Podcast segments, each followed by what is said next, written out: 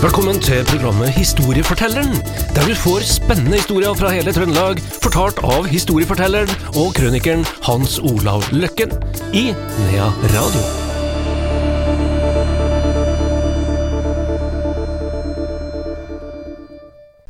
Da er historiefortelleren tilbake her i Nea Radio, og vi er tilbake. Hans Olav eh, Løkken, velkommen. Jo, takk. Vi, eh, vi skal etter hvert til Malm, men jeg tror vi starter opp med Femund. Opp med Femund. Nå skal det handle om underjordiske, tror jeg. Ja, det blir Oi, noe oi, sånt. oi. Jeg fikk, eh, eller Denne historien her, den staler stal vel mer eller mindre fra eh, Jens Haugdal på Støren. Han, eh, han eh, drev jo i flere tiår og samla historier, og var jo en enormt stor personlighet i, på Støren og i Gauldalen. Har gjort utrolig mye eh, bra, da, så den her eh, bare fant det i, i, i det han har skrevet om, da. Og da forteller han om eh, om da Nordvik-gubben opp med Femund da fikk eh, tussflette i skjegget, det vil si altså at eh, de eh, underjordiske festa seg i, i skjegget på fyren da, og tok vare på han, eller skremte han da. Og da skal vi til en plass da mellom Søndervika Sønnervika og Nordvika, da der eh, lengst oppe i eh, Femund, der er det en haug, en stor haug som de, jeg tror de fortsatt i dag kaller for eh, Tusshaugen, eller, eller eh, Tusshaugan, da vel blir det på dialekt da. Og der hadde han her Nordvik-gubben satt seg ned for å hvile da i, ei, ei, i vårsola, og han hadde antagelig duppa av på en spesiell stein der da. Og da han våkna, så hadde han fått flette i skjegget da, her. Og eh, han, eh, barnebarnet til, eh, til han her Nordvik-gubben, han het eh, Iver Skjevdal, og han eh, fortalte videre da, at han var med far sin, altså sønnen til Nordvik-gubben da. De hadde, skulle se etter sauene, akkurat i samme område en dag, for de hadde de har reist til fjells litt tidligere enn de skulle av de her sauene, så han fikk være med far sin, men han var jo bare en liten gutt, så han fikk beskjed om å sette seg på den herre steinen. Husk på vi snakket om en stein her i stad. Han fikk beskjed om å sette seg der og vente. Så skulle faren eh, stikke opp i, opp i lia da og, og, og, og se etter sauene, og, det var ikke noe problem for å, sette igjen ungen der, for han skulle ikke så langt, for han hørte jo at Sauebjøllene de klang jo da friskt opp i åsen, så det var ville, Faren ville være i nærheten, da. Så han her eh, gutten, han sitter på den derre steinen, og så skulle det liksom ikke bli noe mer historie ut av det her, da. Jo da.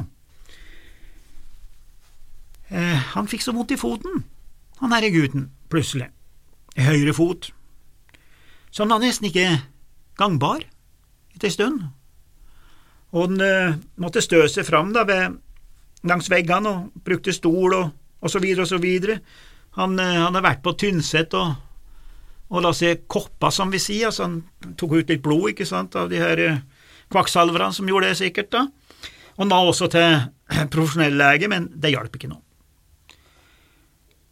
Og eh, om de sendte bu på ei som het eh, Barkmarja eller ikke, det vet vi ikke, men eh, det kom nå i hvert fall et kvinnemenneske som skulle hjelpe han herre gutten, og hun tok eh, ei stor tønne og gjorde badevann, hun tok badevann og hadde bork oppi. Fra sju forskjellige sorter, selvfølgelig. Sjutallet går jo igjen i alle eventyr. Å ja. Ja. Så eh, det var sju slag løvtre. Jeg har noe problem med å finne sju slag løvtre, men Skulle til å si det. Ja. Ja.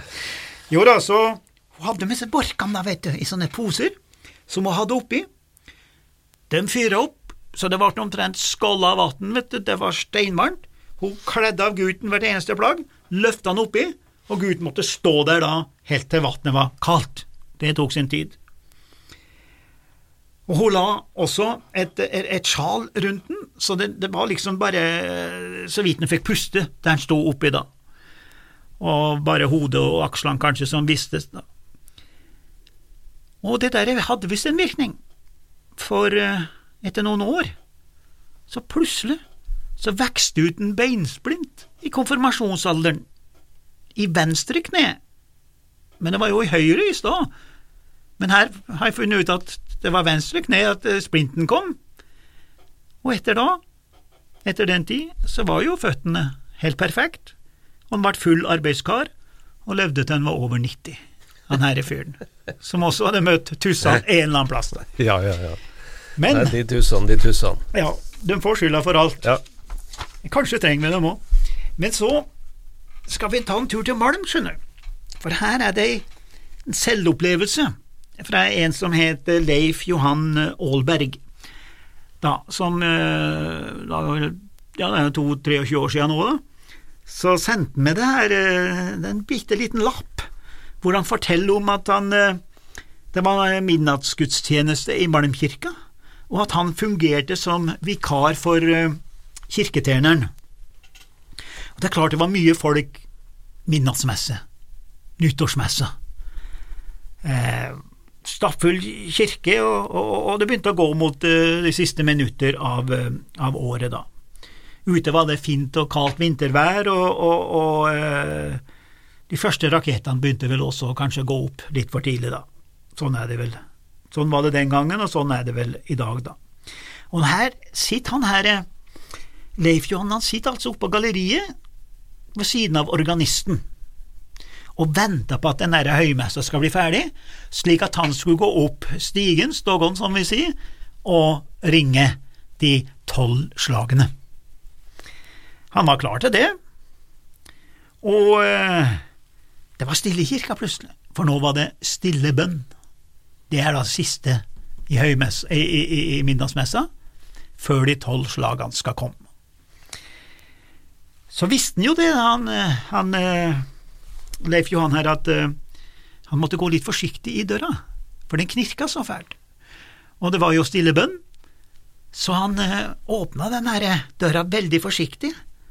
Men det han ikke var klar over, var at utafor den døra, ja, der lå den, lå det en buhund, en hund, og han fikk foten da, inni klemmen der og hyla noe kolossalt. De hørte det i flere kirkesogner. Men den buhund som ula, og det var jo midt i stillebønnen. Ja.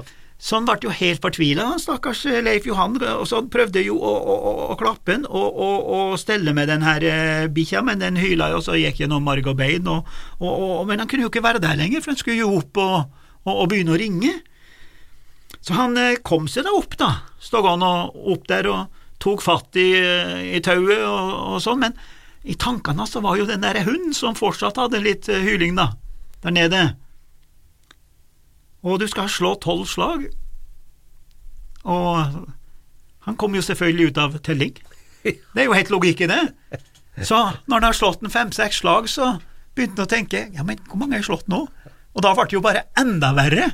Så han var ikke helt sikker på hvor mange slag han slo. Ble det 12, 13, 14? Han tok noe i. Da. Og da han liksom fant ut at nå har han slått nok, så sprang han jo selvfølgelig fort ned til organisten da, og, og, og, og spør du, hvor, hvor mange slag var det? sin til organisten. Men organisten nei, han var jo mer opptatt av om, om, han uh, Leif Johan hadde drept den derre hunden. Derfor var det plutselig slutt på hylinga av hunden òg, så, så, han kunne ikke svare på det, og de gikk jo enda en etasje ned, og folk har, har jo begynt å forlate kirka. Og da kom presten bort att, vet du. Jau da, han kunne da fortelle det at eh, det var ikke tolv slag, det var i hvert fall 13, kanskje 14 slag. Men da var han redd av organisten, for da sier organisten til presten, ja, men prest, det er jo ikke det du skal gjøre under stille bønn, for presten han sa at jeg telte på knuvene. Her, han har stått der og telte på knuvene. Så sier organisten ja, men ikke det du skal gjøre under stille bønn. Og da ble presten eh, skyldig. Men eh, det ble nyttår det året òg. Det var historie fra Malm. Malm kirke. Eh, nyttårsmesse. Takk skal du ha, Hans Olav Løkken. Det var historia i dag. Historia kan du høre på nytt i reprise. Du kan også høre ny historie om ei uke til samme tid. Og husk, historiefortelleren her inne i radio får du også som podkast.